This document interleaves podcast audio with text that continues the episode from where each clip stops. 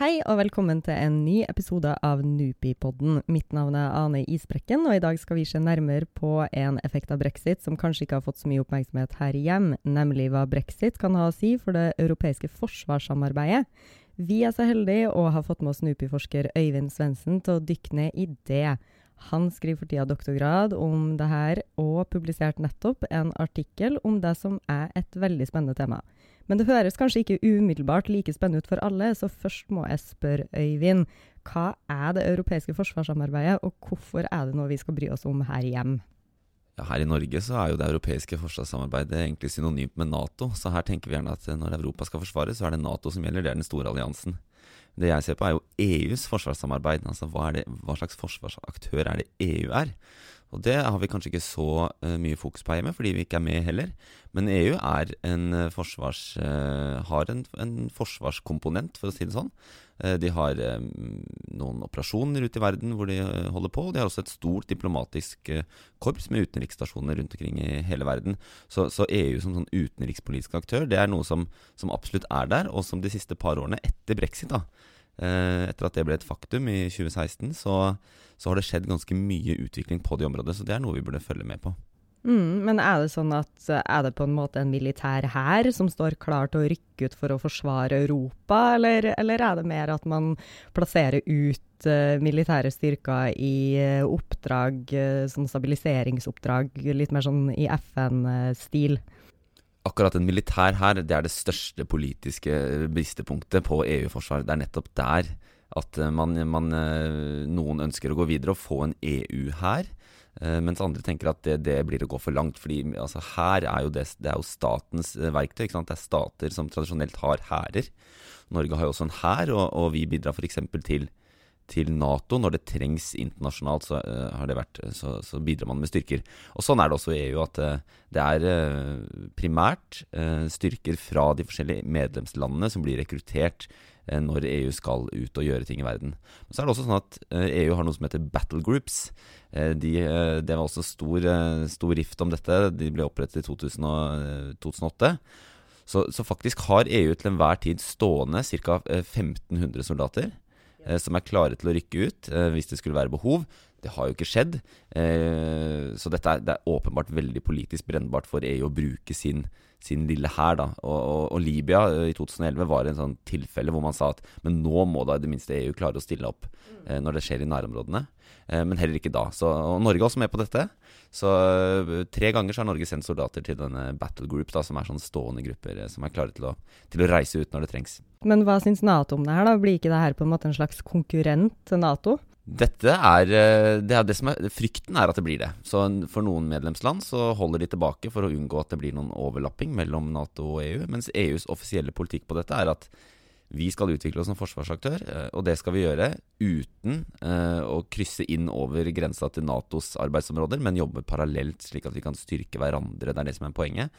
Og Nato er også positivt til dette. Jens Stoltenberg har signert en, en avtale med lederne i EU, hvor Nato og EU på en måte gjør klart hva slags samarbeid de ønsker, og hvordan, hvordan EU skal utvikle seg som forsvarsaktør. Hmm. Men tilbake til det som du har fokusert på mest, da, det med Storbritannia. Eh, hvorfor, hvorfor, har det på en måte noe å si for det her eh, forsvarssamarbeidet at Storbritannia nå skal, eller vil ut av EU? Det er liksom en debatt om det. Storbritannia de var jo denne forsvarsinstitusjonen i, i Brussel, i EU, som heter Den felles sikkerhets- og forsvarspolitikken. Den var britene med på å starte opp sammen med Frankrike tidlig, eller slutten av 1990-tallet. Så det var jo, Der har på en måte uh, britene bidratt. Men etter det så har britene vært en, en brems, fordi britene er jo det mest transatlantiske og Nato-orienterte EU-medlemslandet. Så britene har på en måte vært motkraften i EU. Da. Det er de som har, som har pressa holdt EU tilbake på forsvarssatsinga for å si at ok, vi kan gjøre noe, men la oss ikke gå for langt. Nato dekker oss uansett. Sant? Det er vår infrastruktur. Så Sånn sett så er det interessant hva skjer. Altså, det, det forsvinner et land som har en enorm militær kapasitet eh, i europeisk sammenheng. Det er en stor militær aktør. Samtidig som det, er, som det er en brems. Så det er en sånn debatt om ok, hva, hva vil du gjøre med dynamikken. Og det vi har sett, er jo eh, siden eh, folkeavstemningen så har det skjedd veldig mye i EU. Eh, og det har vært lite eh, initiativ fra britene for å gjøre noe med det. De har vært opptatt med å få til brexit, selvfølgelig.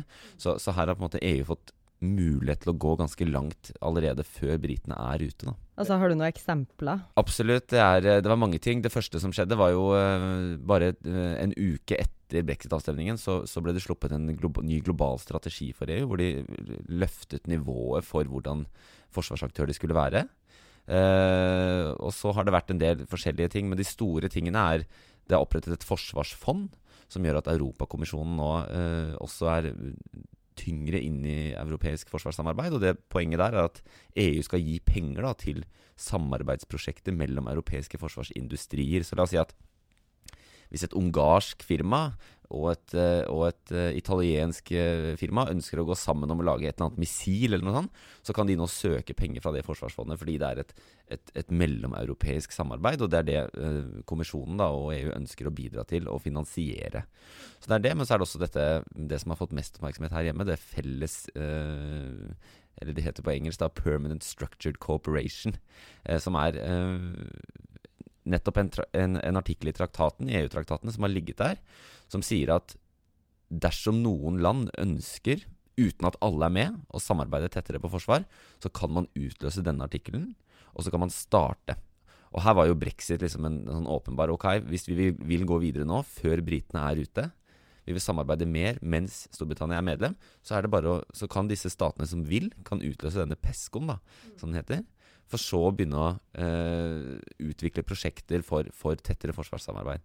Og dette PESCO ble jo en kjempesuksess, eh, må man jo kunne si. 25 eh, av de 28 medlemslandene er med på dette. De som ikke er med, det er Malta, som har eh, uttrykt liten interesse for å være med. Danmark, som har et forbehold, de er ikke med på EUs forsvarspolitikk. Og så er det britene som tenkte at det, det blir vi ikke med på, for vi skal ut allikevel. Eh, men nå, nå, klarte jo ikke britene å komme seg ut av EU eh, e på det først eh, fastsatte tidspunktet i mars i år, så de er jo fortsatt i EU. Mens i den artikkelen din så ser, ser, du på en måte på framtida til EUs uh, forsvarspolitikk etter brexit. Uh, hvordan kan vi vite noe om en prosess som egentlig ikke er ferdig enda?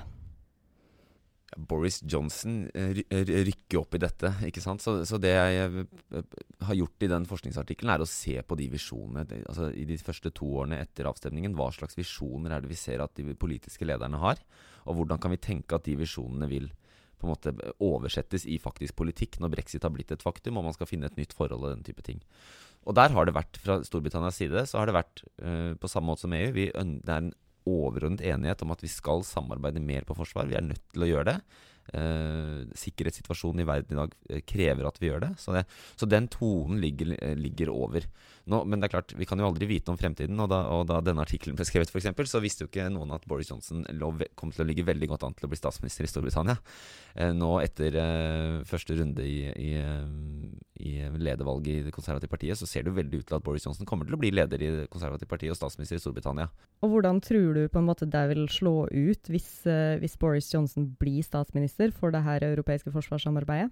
Ja, Det er vanskelig å si, men det er klart at forsvarspolitikk det er, det er et poeng at i brexit-forhandlingene så har ikke forsvars- og sikkerhetssamarbeidet Det har bare ligget der som en sånn Ja, her skal vi gjøre ting i fremtiden. Uh, tidlig i brexit-prosessen så ble det sagt at Theresa May forsøkte å bruke forsvar og sikkerhet som en sånn trussel. Gi oss en god avtale, ellers så får dere ikke nyte godt av vårt, uh, vårt uh, forsvarsbidrag.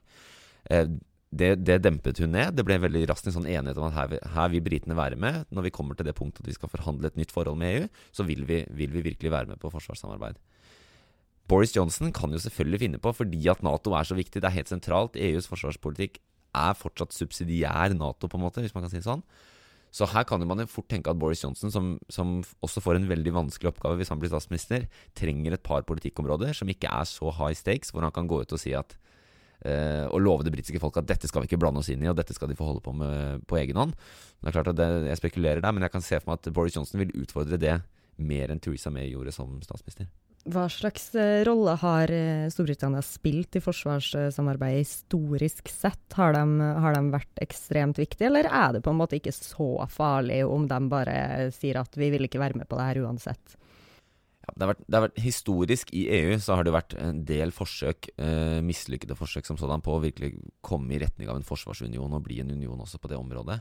Men det startet jo egentlig, hvis vi skal fortelle en historie om det, så er det egentlig 1998, dette toppmøtet i San Malo mellom Storbritannia og Frankrike, hvor Jacques Chirac og Tony Blair sammen sa at EU er nødt til å utvikle troverdige styrker. Så der, der, var jo britene historisk der var jo britene pådriver for at man fikk det som, som nå er den felles eh, sikkerhets- og forsvarspolitikken i EU. Så etter det så har de eh, bidratt noe Det er, det er ingen land som bidrar med veldig mange styrker på EUs, EUs eh, e, ulike operasjoner. Det kan være EU går gjerne inn etter at det har vært konflikt. I, det, i, postkonfliktområder, hvor det hjelper lokale myndigheter og sånne ting. Så så det er ikke så mange folk det er snakk om. Og britene har bidratt med noen. De har bidratt med noe penger. Men, men generelt, rent politisk i Brussel, når det skal tas beslutninger om EU, hva skal EU gjøre der ute i verden, om det er en krise eller om det er, om det er mindre ting, så har britene på en måte vært den krafta som, som, eh, presser litt imot eh, Frankrike, f.eks., som, som, som regel ønsker at her skal EU gå inn, her skal EU gå inn og, og, og være tydelige og bruke styrker og også uh, markere politisk. Så der britene, det er det jeg i hvert fall får Jeg gjør en del intervjuer i Brussel, og, og, spesielt fra de litt mindre landene, også de litt atlantiske, tidligere postsovjetiske stater og sånn, der får jeg gjerne den de er, de er litt bekymra når britene forsvinner, fordi de har vært veldig fine å ha rundt bordet. Fordi de trekker litt i motsatt retning av, av eh, franskmennene, og kanskje det, noen ganger Tyskland også. Men hva er det egentlig EU vil med det her forsvarssamarbeidet sitt, og, og er medlemslandene stort sett enige om, om, hva som skal gjøres på feltet? Som med alt annet i, i Den europeiske union, så er det absolutt ingen total enighet om dette. Det er eh, en, en, hel rekke underliggende uenigheter som, som, som diskuteres daglig i, i Brussel på hvordan, hvordan, EU skal løse forskjellige ting, og, og, hvor langt man kan gå, ikke minst. Men eh, ambisjonen ligger der. og det, og det alle statene har blitt på en måte signert på at de er enige om at vi må ha et høyere ambisjonsnivå på sikkerhet. Og det gjør de fordi de er bekymra for sikkerhetssituasjonen i nærområdet. Mm, uh, som terror og sånn? Ja, ja, Det var en diplomat jeg snakket med som, som beskrev det som at uh, eh, EU opplever seg selv som, som omringet av et belte av usikkerhet. Mm. Du, har us du, har den liberale orden fordi at uh, du har fått en president i vest, Donald Trump, som, som har sådd tvil om sikkerhetsgarantien i Europa. Og så har man jo sånn, Sahel og inn i Midtøsten, hvor, hvor terrorisme og migrasjon er sentrale ting for, for EU.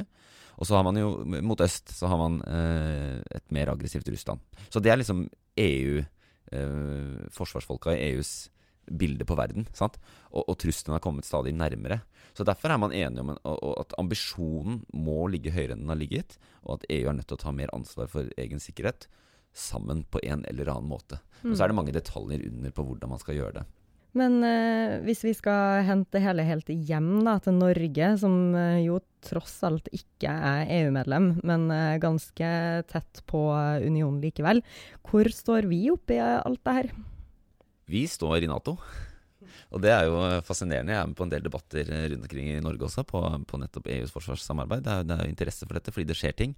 Men de ender som regel her hjemme å bli Nato-debatter. Mm. Fordi at der er vi. Vi er inne i alliansen. Det er eh, Norges viktigste sikkerhetspolitiske eh, samarbeid med omverdenen. Så, så, sånn sett, så lenge EU heller ikke skal overlappe sant, med, med, Nato, så, så, er det rent politisk så er det Nato som, som på en måte gjelder for, eh, for Norges sin del. Selv om det også i, i, Norge er noe politisk uenighet om det også, selvfølgelig. Men det, men det er ingen partier eh, Uh, og ingen, ingen eksperter i Norge som vil si at vi må melde oss ut av Nato for å satse mer på EU. Det er, det er mer perifert perifert syn, som, men som kanskje kan komme. da det, det, er poenget. Man må følge med på dette. fordi at uh, ingenting varer evig. og Det samme gjelder kanskje Nato. Og hvis EU blir mer, uh, utvikler mer kapabiliteter og, og, og uh, kanskje verktøy som er mer egna for Norge, så må man følge med på det. da men, men, inntil videre så er det Så tror jeg Norge følger dette med ganske sånn ro ro. Men det, det, som selvfølgelig er viktig, det er markedet. Det er jo ingenting EU gjør bedre enn marked, og det gjelder også på forsvar.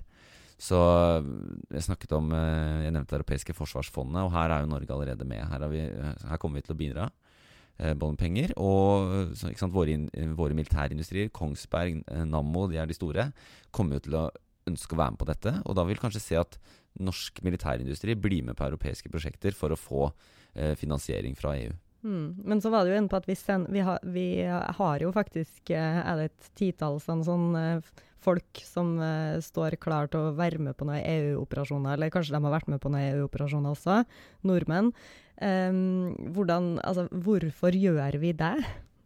Ja, er, eh, Vi har ikke det nå, da. Si det, det er, akkurat nå er det ikke disse battle groups. Eh, det er ikke norsk, nordisk battle group som det heter nå. Så Norge har ingen stående soldater nå klare til å, til å kjempe med EU-flagget på, på, armen. Men det er klart at uh, det er mange forklaringer på hvorfor Norge gjør dette. Hvorfor er Norge interessert? Vi er jo som regel veldig Vi er jo egentlig flinkest i klassen på å være med i EU når det kommer til uh, kommer til politiske til sanksjoner, til politiske uttalelser. Det er knapt De siste ti årene har det knapt vært en, EU, en, en politisk uttalelse om en eller annen konflikt eller noe i verden fra EU som Norge ikke har sluttet seg til. Så vi er, vi er tett eh, sammenbundet. Det er mange forklaringer. Det ene er jo at eh, vi har felles verdier og interesser med, med, Europa. Så Europa er vårt nabolag, det er, det er, våre nærmeste venner. Så det er på en måte Norges interesse.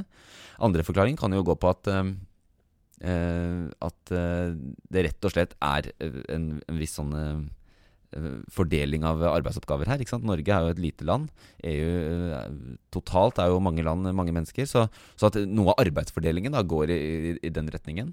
men ellers er det noe med at Norge er jo Mange av de som jobber med sikkerhetspolitikk i Norge og med forsvarspolitikk, er jo Eh, kanskje, skulle kanskje sett at vi var litt tettere på. Det er jo en kjent uh, historie at uh, vi, vi, sliter med å få informasjon om hva som skjer i Brussel, men vi ønsker å få det. ikke sant? Så, så, det er en sånn konstant kamp om å få vite hva som skjer. Hva er, det EU, hva er neste trekk fra EU? Hva tenker de EU nå? Og ved å vise at man ønsker å være med og ønsker å bidra, så kan man jo tenkes at man får mer innpass etter hvert også. Men her har det også vært EU er ikke Norge er nok mer på ballen enn det EU har vært villig til å dele med Norge, fordi Norge er på utsiden. Og mye innenfor forsvaret og sånn er jo gradert, ikke sant. Så her er visst EU ganske eh, firkanta på å dele informasjon med, med, Norge. Hvis du skal oppsummere helt til slutt, da. Hva er de største fordelene med å ha et sterkt europeisk forsvarssamarbeid, og hva er egentlig ulempene, hvis det er noen?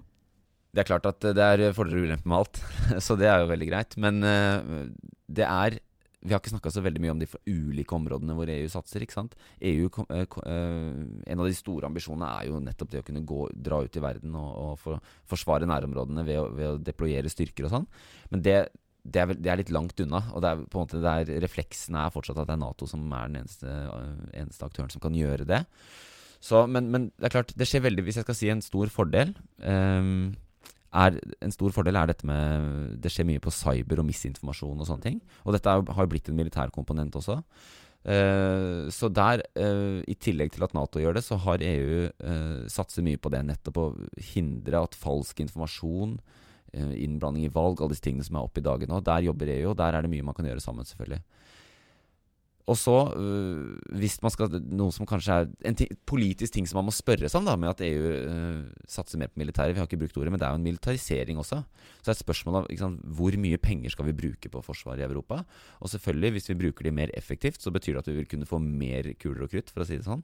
Sånn at øh, Europa, som, som på en måte har vært kjent for å siden, I hvert fall siden 90-tallet. Eh, poenget med Europa som aktør i verden var at Europa var en normativ makt. Europa var ikke en militærmakt. Europa var en idémakt som på en måte vi hadde, vi, vi, Det var det liberale, det var hvordan Europa funker, det var ytringsfriheten, det var demokratiet. Det var det som var vår styrke. Og så eh, har man en del utviklingstrekk i verden som, Uh, som Vi ser noen globale maktforskyvninger, og så blir folk redde, ikke sant? og så blir Europa redde. Og så militariserer Europa. Uh, og det er kanskje, i den hastigheten som er nå, så savner jeg kanskje litt debatt om det. Altså, ok, Hvor går grensene, og hvor, når går vi for langt i forhold til å provosere, eller i forhold til å uh, militarisere i en sånn grad at man, at man, også bidrar til å øke faren da, for, for militær konfrontasjon? En ting som er sikkert, er at det er spennende tider både for EU og Storbritannia, og for så vidt resten av verden om dagen. Øyvind, tusen takk for at du var med oss i dag. Hvis du vil høre mer fra oss, så foreslår jeg at du følger Nupipodden på Soundcloud, eller abonnerer via en podkast-app. Vi høres!